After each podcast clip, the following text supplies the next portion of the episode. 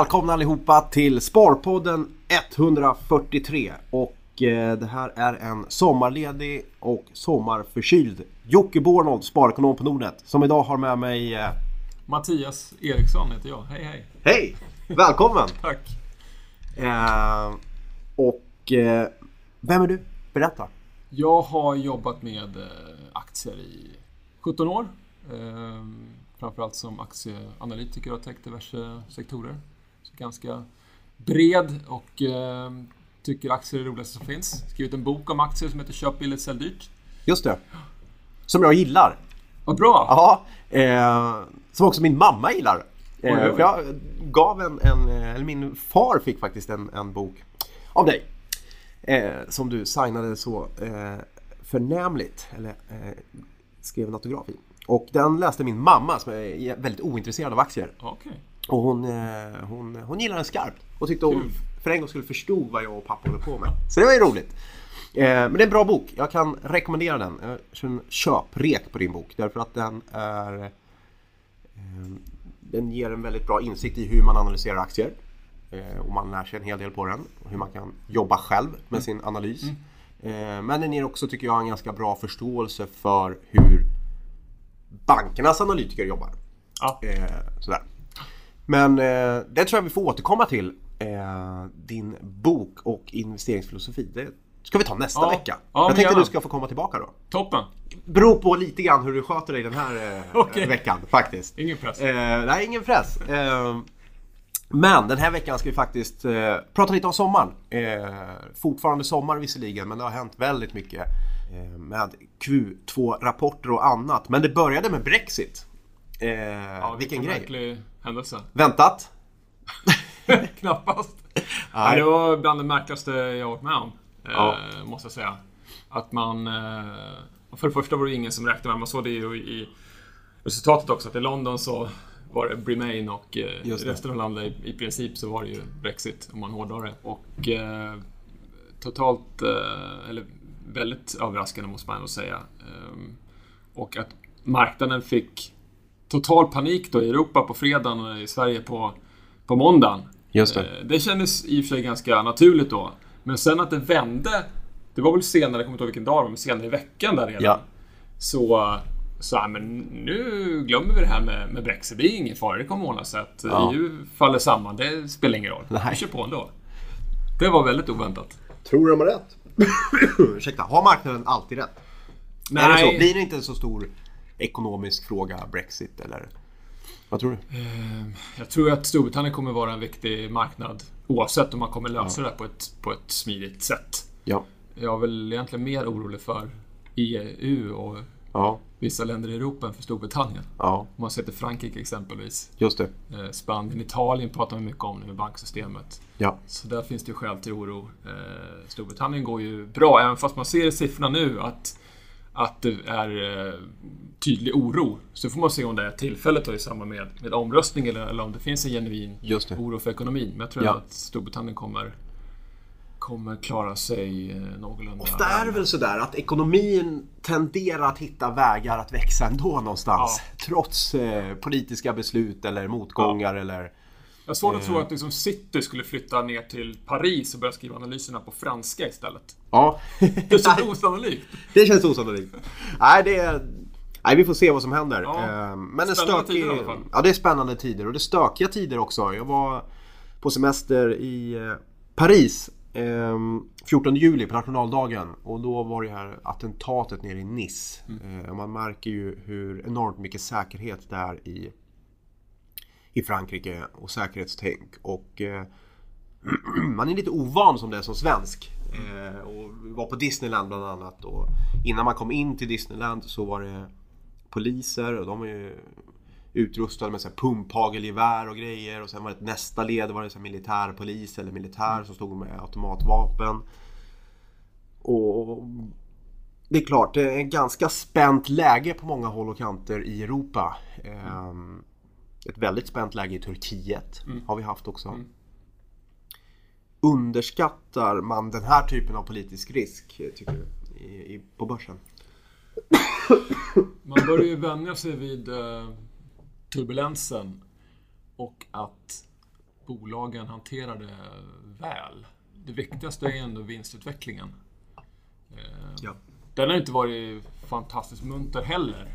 Men eh, så länge det finns eh, skäl att tro på stigande vinster eh, och bristen på alternativ också i och med att ränteläget är sådär så, så är förutsättningarna ganska bra för aktier. Just det. Men eh, aktiemarknaden klarar sig ganska bra ändå. Trots eh, alla de här problem, problemen som finns i världen. Ja. Eh, vad beror det på? Eh, Det viktigaste är hur bolagen levererar och de levererar eh, bra överlag, tycker Ja. jag. Och sen är man också van vid, eh, man är van vid all den här turbulensen. Mm. Det låter lite cyniskt, men jag tror också det. Ja, tyvärr. Alltså, framförallt det, så terrordåden. Ja. Eh, Det är ju det är fruktansvärt det som händer naturligtvis. Men, men det är nästan så man börjar rycka på axlarna för att det händer så Ja. ofta och så slumpmässigt. Det. Inte- Man är inte riktigt där än, men det, det är ju en... Det har hänt för ofta för mycket, Just det. tyvärr. Mm. Och bolagen hanterar situationerna som uppstår väldigt bra. Eh, framförallt att man har en, en ekonomi globalt sett som, som går ganska bra men inte tar riktigt fart. Nej. Men vinsterna utvecklas ju hyggligt ändå. Ja, och då är vi inne på Q2-rapporterna. Ja, Ja. Eh, hur tycker du det ser ut? Hur mår världen? jag tycker bolagen levererar bra resultat. Ja. eh, överlag. Man ser ju tydligt att eh, verkstadsbolagen framförallt, de större, eh, de visar ju negativ vinsttillväxt. Eh, kämpar på i Just det. motvind. Det är framförallt olja och gas eh, som, som är den särskilt svåra sektorn. Eh, gruvdelen verkar ha stabiliserats. Just det. Råvarorna på väg upp lite igen. Ja, Boliden och eh, skräpbolaget SSAB har ju fått eh, lite... Är det ett skräpbolag? Ja, det är det. det, är det. Så? Ja, Ja, vi pratat en del. Det där ska man inte äga över tid. Varför inte? För att de har en avkastning Det är alltid kul när på... någon gillar, säger skräpbolag. Jag gillar SSAB. Ja, men det, det är enkelt att definiera. De har en avkastning på kapitalet som understiger avkastningskravet. Ja, Så enkelt är det. då, då är det svårt att driva bolag. Ja, Ja. då ska man lägga ner Då det. ska man lägga ner det. Nej, Sen det är så. lyckas ju både bolaget, jag säger inte att bolaget i sig är dåligt eller misskött eller så, men det är en otroligt tuff Marknad. sektor. Ja, Eh, I och med att man inte eh, bestämmer, marknaden bestämmer. Man kan inte påverka inköpspris och inte heller pris till kund. nej, Eh, väldigt besvärlig situation för ett bolag. ja. Eh, så det, nej, det är inget bolag jag... Eh, Ing, äger. inget som finns i din eh, portfölj? Nej, och Nej. visst, det, det är klart nu på sistone har det varit bra att äga aktien. Men det är så himla svårt med tajmingen Otroligt svårt. och eh, över tid så eh, ska man inte äga den här typen av bolag. Ja. Boliden å andra sidan, som ett liknande bolag, är ju, har, visar ju bra avkastning på kapital, måste man säga, och känns synnerligen välskött. Ja. Och lite bredare. Så det, det kan vara ett alternativ faktiskt i den sektorn. Om man vill vara där i branschen i alla fall. Ja, ja. Om vi lyfter blicken lite grann, hur, eh, konjunkturmässigt. För det är ju någonstans där, börsen står ju och stampar. Eh, den har gått ner och den går upp lite grann. Men, men det kanske inte är någon jättetydlig trend på börsen. Eh, Och det finns ingen tydlig trend bland världskonjunkturen riktigt. Utan det är lite så här, var ska det lyfta? Var, hur mår Kina? Hur mår USA? Eh, och det är någonstans där som vi funderar på hela tiden känns det som. ja. Eh, och eh, Börsen antar jag kommer inte att, att ta något större lyft förrän man får en riktig vägledning om vart det är på väg. Eh, tyckte du Q2-rapporterna gav någon vägledning kring konjunkturen? Känns som Kina inte så bedrövligt som det har varit tidigare. Eh, om man kollar lite på de svenska rapporterna i alla fall. Ja, alltså Abloy var ju inte särskilt muntra kring Kina, inte heller ABB. Okej. Men, men överlag så, så verkar Kina gå ganska bra och kanske lite bättre då än, än tidigare tack vare stimulanser. Ja. Ehm, Men USA verkar betydligt trögare. Så ändå väldigt stabilt och bra tycker jag. Gillar du USA? Jag tycker det är Ja. mycket gnäll på USA. Är det så? Ja, jag Ja. har gnällt lite på USA. Jag tyckte att känns som de svenska bolagen var lite mer skeptiska än vad man varit tidigare. Eh, Ja. Lite svajigare. Men det, det är för Eh, att eh, olja och gas går dåligt och även eh, generell industri. Ja, Ehm, och konsumtionen går starkt. Mm. Så det, det är en tudelad ekonomi på så vis. Ja. Och det drabbar ju svenska verkstadsbolag. Så de är ju lite gnälliga. Investeringsnivåerna är ju tämligen låga i världen. Ja. Eh, Kan de vara på sån här låg nivå, tror du? När kommer det växa? Liksom? Det är det som känns som nyckeln. Eller är vi inne i en ny tid, ny era? Där investeringsnivåerna kommer vara låga, eller? Har någon? Ja, ja men en förklaring man pratar om det är att nya bolag inte behöver investera på samma sätt som de gamla bolagen så att säga med eh, Google och Uber och allt vad det heter. Allt vad det heter, ja. De här nya häftiga bolagen. Det är Mm. en, en, en förklaring. Jag vet inte hur mycket, som, som, mycket sanning som ligger där. Men, Nej. Men man märker att eh, man håller igen på investeringarna eh, för att det helt enkelt inte behövs investera särskilt mycket. Och det beror ju på att vi har en, en lågtillväxtekonomi. Ja. Om man kollar på räntemarknaden så, så räknar den med att världen aldrig mer kommer växa egentligen. Nej. Ja, det är en märklig, det är en märklig Ja. tid. Ja, Ehm, Men om vi, går ner, om vi går ner lite grann på, på bolagen och kikar. Var det någon, eh, och då måste man börja med industrin. Det är ju roligast. Jag vet inte om våra lyssnare tycker det, men, men du och jag tycker det. och det är du och jag som har podden. Exakt. Och därför bestämmer vi det. Ja. Vi pratar lite industri. Hur tyckte du industribolagen kom in med sina rapporter? Ja, men det är ju inget vidare. Ehm, Det är ju negativ eh, vinsttillväxt. Ehm, Olja och gas som sagt går, är den sektor som går sämst. Ehm, Oljepriser fortsätter ju och eh, vara relativt svagt ändå. Och eh, gruvindustrin som är viktig för många bolag, Sandvik och Atlas exempelvis, Ja. och verkar ha stabiliserats i alla fall. Då. Men ingen, ingen fart där. Nej. Ehm, så- Gått bra på börsen? eh, Ja, ja så, så det går inte särskilt bra för bolagen. Och Nej. värderingen tycker jag är ganska hög generellt. Ja. Så jag tycker inte det är särskilt lockande med de här verkstadsbolagen. Nej. Inte de större i alla fall. Det, det som stack ut tycker jag positivt var ju Volvo. Som, eh, Verkligen. Som har... Det glädjer mig. Ja. Eh, De trogna lyssnarna vet att jag alltid har Volvo i min portfölj. Eh, Och det är så här, man, man ska inte eh, ha känslor för aktierna men, men jag är en sån som alltid äger Volvo. Jag, vad ska jag säga? Jag älskar stora maskiner. Det, det är bara så. Det är... Men jag håller med. De, är en bra de, rapport. de har ju svårt på alla marknader utom Europa egentligen. Mm. Ehm, Nordamerika går ju ner kraftigt från väldigt höga nivåer. Ja. Så i absoluta tal så är det en bra marknad fortfarande men, men eh, kraftig nedgång procentuellt. Men har lyckats eh, och effektivisera ordentligt. Ja. Imponerande arbete där. Mm. Så det var väl det som, som jag tycker eh, stack ut i, eh, i verkstadssektorn. måste alltid vara lite tråkigt när man lämnar som VD eh, för Volvo och den nya VDn kommer in och får lite de här Ja. effektiviseringarna med sig gratis. Ja, Eh, faktiskt. Ja. Eh, det är lätt att hylla de här nya Scania-killarna som har Ja. kommit in nu. Men Ja. det är klart att det, det som levereras nu, ja det är mångt och mycket ett arbete som gjort tidigare. visst är det så. Eh, förstås. Men eh, kul att Volvo är på rätt väg. Det är nog ganska viktigt att de är det. Eh, för svensk ekonomi också. Det är en, en bra... Eh, det är viktigt.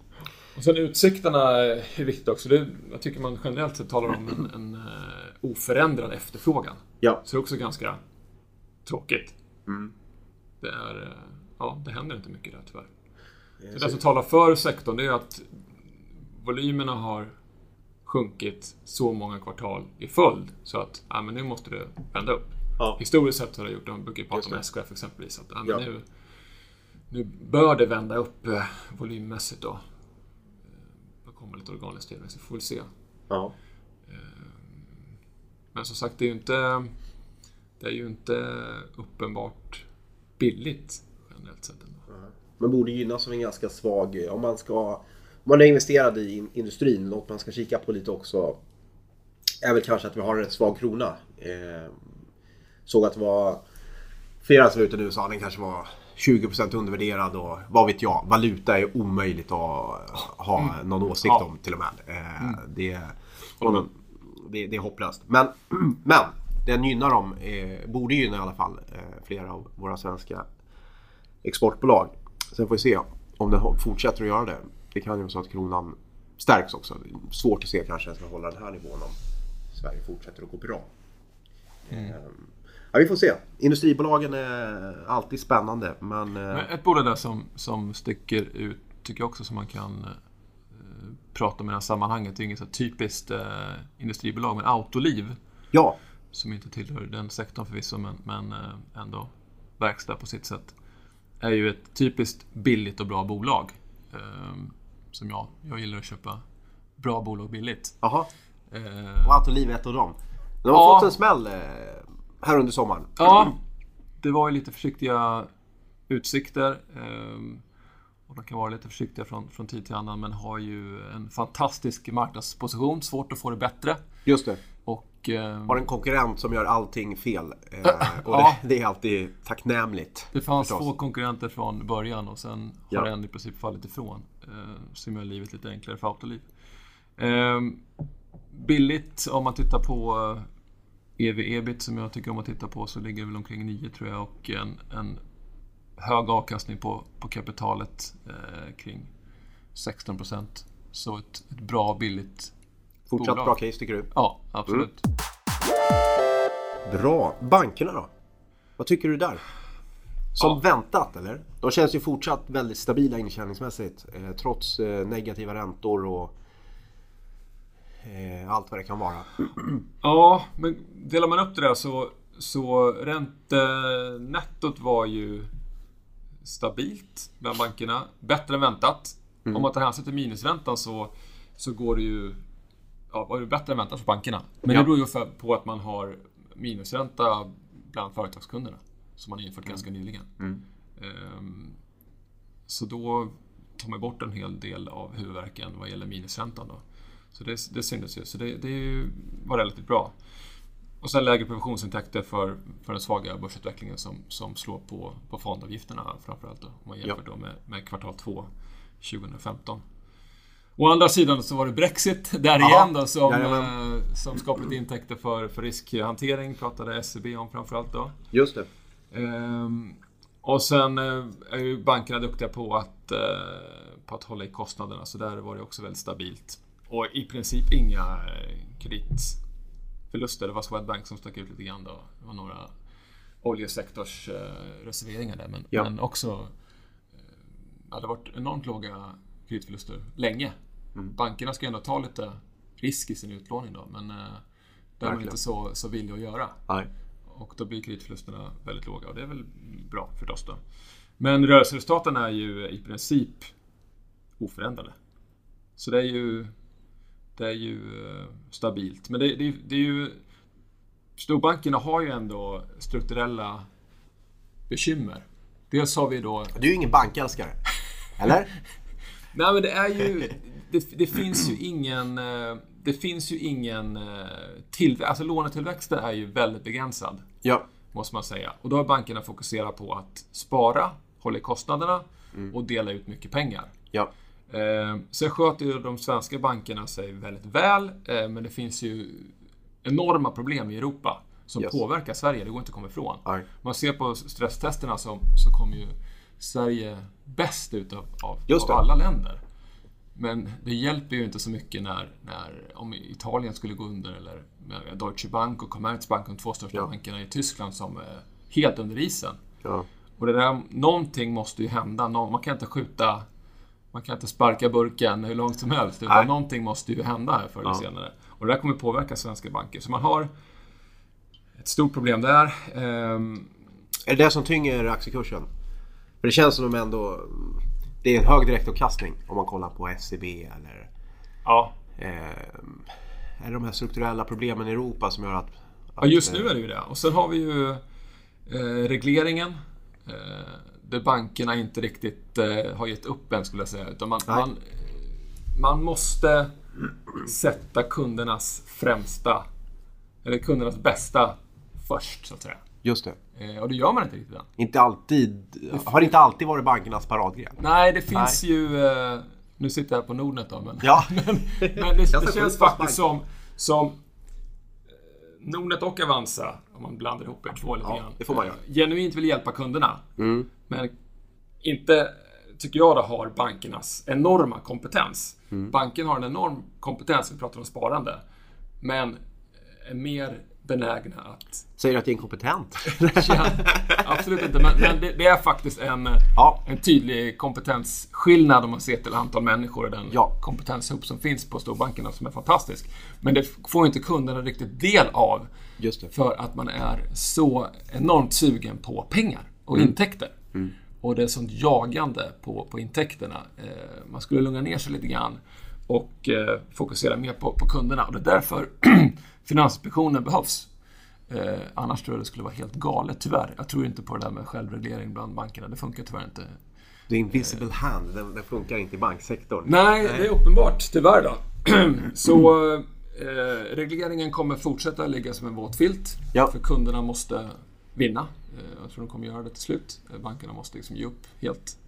Eh, och sluta med eh, konstiga produkter som inte gynnar kunderna och, och, att inte sätta kundernas bästa främst helt enkelt. De måste komma dit.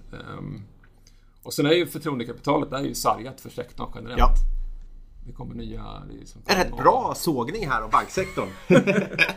du är inte långsiktig ägare i bank. Nej. Ja, men är det så? Tycker du att man ska ta det på allvar? Som, det är många av oss som äger banker och de tjänar väldigt mycket pengar just nu. Men tycker du man ska ta de här frågorna på allvar kring det är klart man ska ta dem på allvar, men tar man lite för lätt på dem? Eh, det här med reglering, hur mycket det kommer att Kanske konkurrens med fintech? Ja, det, det är exakt. Eh, det är en ny typ av konkurrens som är väldigt snabbfotad. Fotad, alltså, storbankerna är ju enormt trögrörliga. Mm. Alltid tar sig enormt lång tid och det håller man på att ändra på. Men, men eh, nya mindre bolag är ju betydligt snabbare. Eh, och kan eh, har ju ingen eh, ja, legacy, har ju inget arv eh, eh, utan kan liksom gynnas varumärkesmässigt av att de är liksom unga, pigga, snabba. Just det. Och bankerna är gamla och, och tråkiga, vilket kan vara positivt i, i vissa sammanhang. Men, men negativt i andra sammanhang. Ja, vi får se. se. Har du några alternativ till om man vill investera i finanssektorn? Ja, men de mindre bolagen går ju betydligt bättre. Jag gillar ju Nordax. Mm. Eh, sen kan man ju eh, tycka vad man vill om, om den typen av verksamhet. Att man lånar upp då till, till 3% ungefär. Eh, man kan realisera och låna ut till kund och till, till 12. Man har ju fantastisk räntemarginal. Ja. Hur kan den vara så hög? Nej, det, det... Vem är det som lånar ja. till 12 Ja. Eh, det, det är ingen som har sagt ja på den frågan jag har frågat. Nej. Eh, Nej. Det är ingen som lånar där men ändå märker man att det är... Men uppenbarligen det, finns det många som exakt, gör det. Exakt, det är en affärsidé som Tror du att många funkar. inte ens är medvetna om räntan? Är det så? Är många av dem som ja, lånar ja, men så är det. Man, man ser till månadskostnaden. Och ja. skjuter, man, skjuter man, lägger man ut det över väldigt många år så eh, blir det en, en eh, alltså amortering över flera år. Det blir, det blir ju en, en, en låg månadskostnad. Mm. Eh, och det är det man tittar på tydligen. Då. Men eh, Nordax eh, levererar ju en bra avkastning på, på eget kapital och värderas väldigt lågt. Eh, så om man tittar kvantitativt på de siffror som bolaget levererar så är det ju för billigt. Ja. Sen har vi ju näraliggande är ju till bankerna tycker jag ändå Hoist och Intrum är, som är enormt fina, bra bolag som levererar Framförallt Hoist hade, jag för mig att det var en vinsttillväxt på 40 procent i kvartalet. Ehm, mm. Är väldigt duktiga på, på att köpa upp eh, avskrivna fordringar billigt. Ja. Ehm, och har liksom en, en, eh, en struktur för det som, som uppenbarligen funkar. Och det är ju ett strukturkapital eh, man har byggt upp. Intrum har ju en bredare verksamhet. Som jag tycker är en väldigt bra, välskött eh, verksamhet som, som har levererat under lång tid. Eh, fina mm. avkastningstal och bra stabil vinsttillväxt. Så man imponerande är, bolag. Ja. Man är ändå inne på, på bank så kommer man osökt in på betting. Eh, nej det gör man inte. Det var en väldigt dålig brygga. Jag ville komma in på spelbolag. Eh, och vi fortsätter lite grann eh, för Q2-rapporterna. Och ehm, för det är en bransch som många följer och, och många av, av er lyssnare vet jag är, är aktieägare i bettingbolagen, spelbolagen. är glansdagarna över lite grann för dem eller? Det var en fantastisk det, utveckling ja. Eh, förra året framförallt då. Eh, hela hösten var så här magisk. Ja. Eh, men kom verkligheten ikapp lite eller vad tror du? Ja det verkar så. Mm. Där är det ju en politisk risk som verkligen är påtaglig. Ja. Och det känns som det har kommit ikapp lite. Ja, men det där kan ju bli bra på sikt. Eh, Ja. Om man får en mer reglerad, uppstyrd marknad. Men just övergången kan ju vara svår. Just det.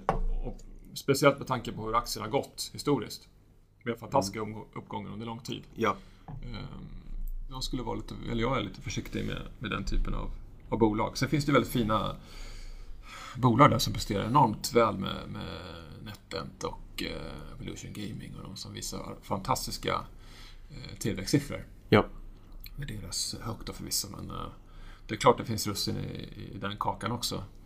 Men Betsson och Unibet som är de mest uppenbara kandidaterna där är ju... Eh, verkar ha lite motvind just nu.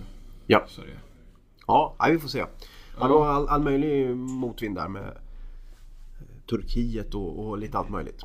Eh, vi får se hur det går för dem. Mm, vad har vi mer? Vi måste nog prata eh, lite Ericsson också faktiskt. Eh, Vi försökte undvika det. Eh, nej, det har vi inte. Men vi sparar det bästa till sist, så kan vi säga. ja.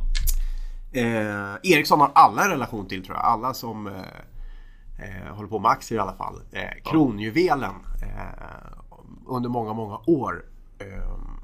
Känns som den har halkat lite på sned. Eh, kronan. Eh, det känns Ja. som att det är tufft för Ericsson nu. Riktigt, riktigt tufft. Eh, Har varit länge. det har varit länge. Men- aktien har inte performat på jag vet inte hur många år. Nej, den är väldigt, väldigt svår. Det var Och, 99 där det var riktigt het. Sen, Ja. sen dess har det Ja. gått ut för. Eh, sen har det gått ut för. Eh, vad tror du? Finns det någon framtid för Ericsson? Ja, men det tror jag absolut. Jag tycker det, det borde rimligtvis hända mycket saker med tanke på vilket viktigt bolag det är och vilka ägare som... som eh, Håller i trådarna? Nej. Ja, men Investor och industrivärlden ehm, borde röra om i, i grytan. Har det gjort det nu, men det- jag tror det kommer mera. Eh, man har ju en, en väldigt svag marknad haft länge. Och det känns som ledningen och även styrelsen har lite grann blundat för det där. Ja. Eh, jag tycker, jag tycker de har varit lite arroganta, är min känsla i alla fall. Ehm, och nu tar man i det och sparar lite mer, vilket man måste göra tyvärr då. Det är ju roligare att växa än, än att hålla på och spara och gneta. Det är rätt tråkigt, men så ser verkligen inte ut. Sen måste man in en ny VD då som hittar nya tillväxtområden så det händer lite roligt. Och med, med tanke på den eh, fantastiska kompetens som finns i bolaget. Alltså, Ericsson Ja. är ju Sveriges teknologihubb. Det finns en enorm kompetens i bolaget. Och många som börjar sin karriär på Ericsson går vidare till andra teknologibolag och utvecklar mycket nytt och spännande. Så Ericsson är väldigt viktigt. Men det känns som en uppenbar uppköpskandidat eh, om nu Investor och industrivärlden vill släppa det och kan politiskt sett släppa det. Det kan man inte vara säker på i och med att det, det bolag det är. Och sen måste man ju bli bättre på, det var dålig på i, i alla år. Jag kommer ihåg när jag tog en djupare titt som analytiker på Ericsson för det är väl nästan tio år sedan. Då pratar man också om den här marknadstillväxten och bruttomarginalen. Det gör man fortfarande. Och det finns... Eller, jag tycker Ericsson är dåliga på att förklara caset. Vad är caset? Varför, varför ska man äga Ericsson? Ja. Jag tycker man har varit eh, väldigt dålig på det under egentligen alla år. Lite oroväckande när man hör eh, styrelseordförande prata Ericsson om att eh, nej, men det är en tuff marknad och vi får eh, eh, anpassa oss efter den. Eh, när man ser man tillbaka på det gamla Ericsson som man gillar var ju att de skapade marknaden istället. Ja, de var ja. så otroligt innovativa, de var först. Eh, Ja. Och det gjorde att man kanske inte ens var orolig under, jag var inte så jätteorolig när eh, när IT-bubblan sprack och, och man var tvungen att göra nyemission och ja, orolig för aktien men inte för bolaget. Därför Mm. Att om man pratar med folk som jobbade på Ericsson också, man var väldigt på, man kände att vi är först, vi är främst, vi har grejer på gång. Mm. Eh, Man får inte riktigt den känslan tyvärr eh, när man ringer och pratar med kompisar eller eh, så, släktingar som är anställda på Ericsson. Det är inte Ja. riktigt den eh, känslan man får utan det känns som man man, eh, man är med i matchen men man är inte längst fram. Liksom. Man har tappat den här eh, känslan av att det är vi som driver telekomutvecklingen. Den känns inte Ja, riktigt där. produktutveckling är den viktigaste källan till organisk tillväxt. De lägger ju väldigt mycket pengar där men det Ja. kommer inte fram någonting. Nej, det är det som är det stora problemet. Eh, Om man jämför mycket med, med Nokia och Alcatel där som har, är mer effektiva i sin, sin forskning. Ja. Eh, Så där måste man göra mer. Det är lättare sagt än gjort, men det, det, det, det bör hända mer. Jag tittar i min kassaflödesmodell för Ericsson igår senast och tycker ändå är svårt att få ett värde under 70 kronor. Så det räcker ändå med negativ tillväxt rätt många år framgent. Och en, en marginal på, en rörelsemarginal på 8-9%. Ja. Får ändå ett värde på 70 kronor. Okej. Mm. Så jag tycker liksom det borde rimligtvis vara värd någonstans mellan 70 och 90. Men händer ingenting positivt och det bara kommer en massa sura nyheter kontinuerligt, Ja. då, då är det klart det inte kommer hända någonting med kursen heller. Men förhoppningen är ju att man gör en hel del eh, även i, i, i styrelsen tror jag det finns en del att, att göra. Just det. Eh, Vad ska man för VD? Vem blir ny VD? Det var en liten fågel som viskade mitt öra att eh, Rickard Gustafsson på SAS faktiskt skulle kunna vara en eh, kandidat. Ja, jag läste att det var någon expert som Ja. uttalade sig Ja. att, eh, eh, Ehm, att men det det- kan bli så. Eh, och det verkar, bli, det verkar som en sanning då när man läser det var det Aftonbladet. Ja, men då är det klart då. Då är det klart ja. Ja, det är Ja, men fascinerande. just det, det var Jocke som sa det. Ja, man får en fråga. Vem tror du? Eh, och man svarar. Det är väldigt fascinerande där. Eh, jag svarade... Eh, jag tror jag svarade exakt likadant till alla. Det finns ett gäng kandidater internt. Eh, det kan, jag tror personligen dock att det kan bli en utländsk eh, VD för Ericsson faktiskt. Jag antar att det blir första gången va? Eh, Men jag tror faktiskt det, att man kan ta in någon utifrån. Eh, Och sen eh, som ett svenskt wildcard har vi Rickard Gustafsson på SAS. Han har gjort någonting väldigt bra med SAS, även om det inte går hela vägen fram. Eh, han har gjort det ett tag, så man skulle tänka sig att tar han ett nytt steg så ska han göra det nu. Eh, Han är ingenjör, eh, Investor gillar honom väldigt mycket och eh, jag lyfter fram honom. Och då, som du säger, då blir det en sanning. så då, och då tog alla den. Eh, Så den, den, den löpte runt som men en löpeld. Eh, Och eh. Dansk media eh, plockade också upp Jaha. den. Så börsen, eh, ja, då, då klart det också. Ja. Eh, och då tänker man så här. På kvällen undrar man, undrar hur Rickard Gustafsson tänkte? Jaha, han, jag ska jag börja? ja precis, eh, när hans namn dök upp. Nej vi får se. Ja, det- det- Han är en tänkbar kandidat. Ja, men, det eh, tycker jag också. Eh, sen vore det riktigt roligt om det kom någon, någon rolig tech man eller kvinna från USA eller liknande som verkligen Ja. kunde röra om i grytan och tänka nytt. Mm. Det vore väldigt spännande om det, om det kunde, bli, kunde bli så. Så vi får se. Det, det, som du säger, det är ju en, en juvel i svenskt näringsliv som, det är en, en, vad säger man, diamond in the rough. Det kanske Ja. kan bli en, en, en ny fin diamant av Ericsson så Vem småningom. här. vet? Vem vet? De kanske kommer med 5G och slår oss på fingrarna allihop. Då börjar det nästan bli dags att avrunda Sparpodden 143. Har vi någon konklusion kring Q2-rapporterna? Hur tyckte du det gick Mattias? Ja, jag har tittat på 50 rapporterande bolag och tittat på de, de flesta större bolagen. I princip alla har tagit bort exempelvis operatörerna för de är så himla tråkiga. Ehm, och två tredjedelar visar positiv vinsttillväxt i, i, i Q2. Ehm, medianbolaget av de som, som visar positiv vinsttillväxt eh, ligger på en tillväxttakt på 17% Så det är klart att det finns bolag som går väldigt bra. Sen är det framförallt de större bolagen, primärt inom verkstad, som går dåligt. Ja. Och då är frågan om hur länge de kommer göra det. De har ju gått dåligt ganska länge. Eh, Men det beror ju på att vi har ett, ett, eh, en ekonomi med, med låg tillväxt. Ska man tro räntemarknaden så kommer det eh, vara låg tillväxt för evigt. Trevligt. Ja. Eh, Jag hoppas inte det blir så illa. eh, Men närmsta tiden så är det svårt att hitta tillväxt. Och då ska man titta särskilt noga på de bolag som faktiskt genererar både omsättnings och framförallt av vinsttillväxt. Eh, Och som kan, kan, ha, kan leverera en, en organisk tillväxt och inte bara spara och gneta sig till en, en, en vinsttillväxt. Utan de bolag som, som levererar organisk tillväxt, de, eh, de belönas av börsen och i många fall så är värderingen då hög.